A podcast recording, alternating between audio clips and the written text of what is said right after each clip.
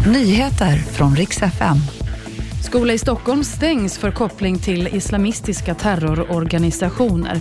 Och vädret fortsätter ställa till med stora problem runt om i landet.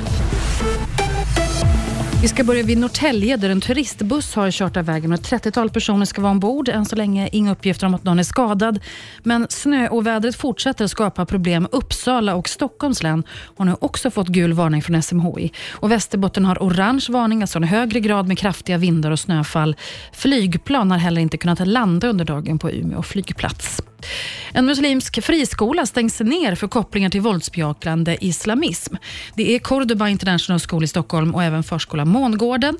Säpo bedömer att flera personer i skolans styrelse har varit i kontakt med islamister och minst en av dem har varit aktiv i en islamistisk terrororganisation utomlands. Säpo bedömer nu att barn och ungdomar riskerar att radikaliseras i skolan och utsättas för icke-demokratiska värderingar. I Malmö där har två barn stulit och krockat med en postbil. Det här var vid 14-tiden i eftermiddags. En postbil den stals från Möllevångstorget. Enligt vittnen så var tjuvarna två små barn i tioårsåldern som körde iväg med postbilen, men de kom inte så långt. En stund senare krockade de mot en husvägg.